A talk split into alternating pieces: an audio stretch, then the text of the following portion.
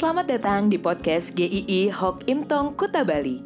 Penginjil Ray Reginaldi akan membagikan renungan harian singkat untuk membawa Anda mengenal dan menyembah Tuhan Yesus, bertumbuh dan menjadi murid Kristus, serta berdampak untuk banyak orang. Jika Anda merasa diberkati melalui renungan ini, silahkan bagikan podcast ini agar orang lain juga diberkati. Inilah renungan hari ini.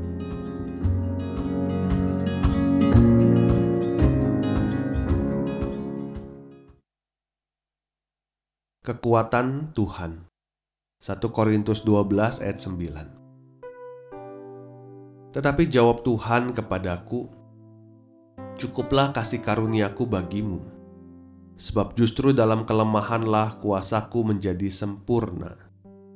Sebab itu terlebih suka aku bermegah atas kelemahanku Supaya kuasa Kristus turun menaungi aku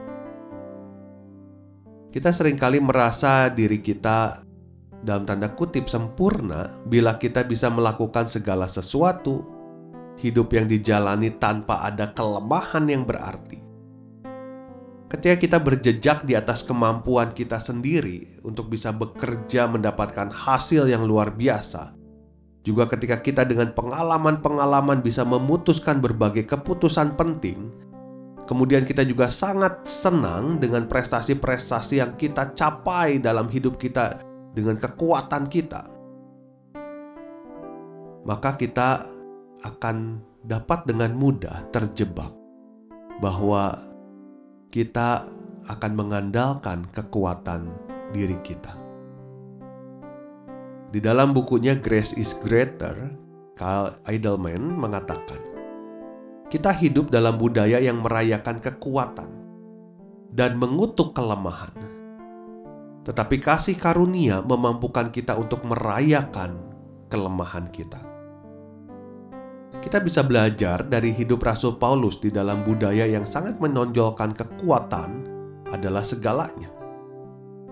Untuk ukuran seorang rasul dan seorang pelayan Tuhan yang terbilang sukses merintis begitu banyak gereja, dikenal di mana-mana. Paulus seharusnya menonjolkan kelebihan-kelebihannya. Apa saja prestasinya? Apa saja kekuatan-kekuatan kelebihan-kelebihannya di dalam pelayanan? Mungkin kalau ada seseorang yang sedang ada di puncak, sedang terkenal atau sedang berjuang menuju posisi puncak, harus diwaspadai jangan sampai ada orang yang tahu kelemahannya karena itu bisa menjadikan nilai minus dalam hidupnya, bisa menariknya kembali ke bawah. Tetapi berbeda dengan Rasul Paulus, saat ada kelemahan yang mengganggu pelayanannya, dia rindu sekali gangguan yang disebut duri dalam daging itu diangkat oleh Tuhan, supaya pelayanannya lebih efektif lagi.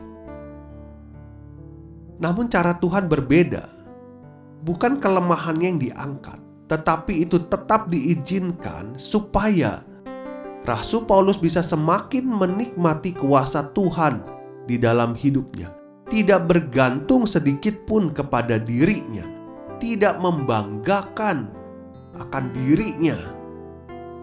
Jika kita mengerti bahwa kekuatan kita sesungguhnya hanyalah dari Tuhan saja, kita akan berespon seperti Rasul Paulus Sebab itu terlebih suka aku bermegah atas kelemahanku, supaya Kristus turun menaungi aku. Rasul Paulus mengakui kelemahannya, tetapi di saat bersamaan juga dia mempresentasikan akan kehadiran kuasa Kristus yang begitu besarnya. Kita akan bersuka cita menikmati kuasa Allah yang sempurna ketika kita mengakui segala kelemahan kita di hadapan Tuhan. Kita sesungguhnya adalah manusia yang lemah dan terbatas.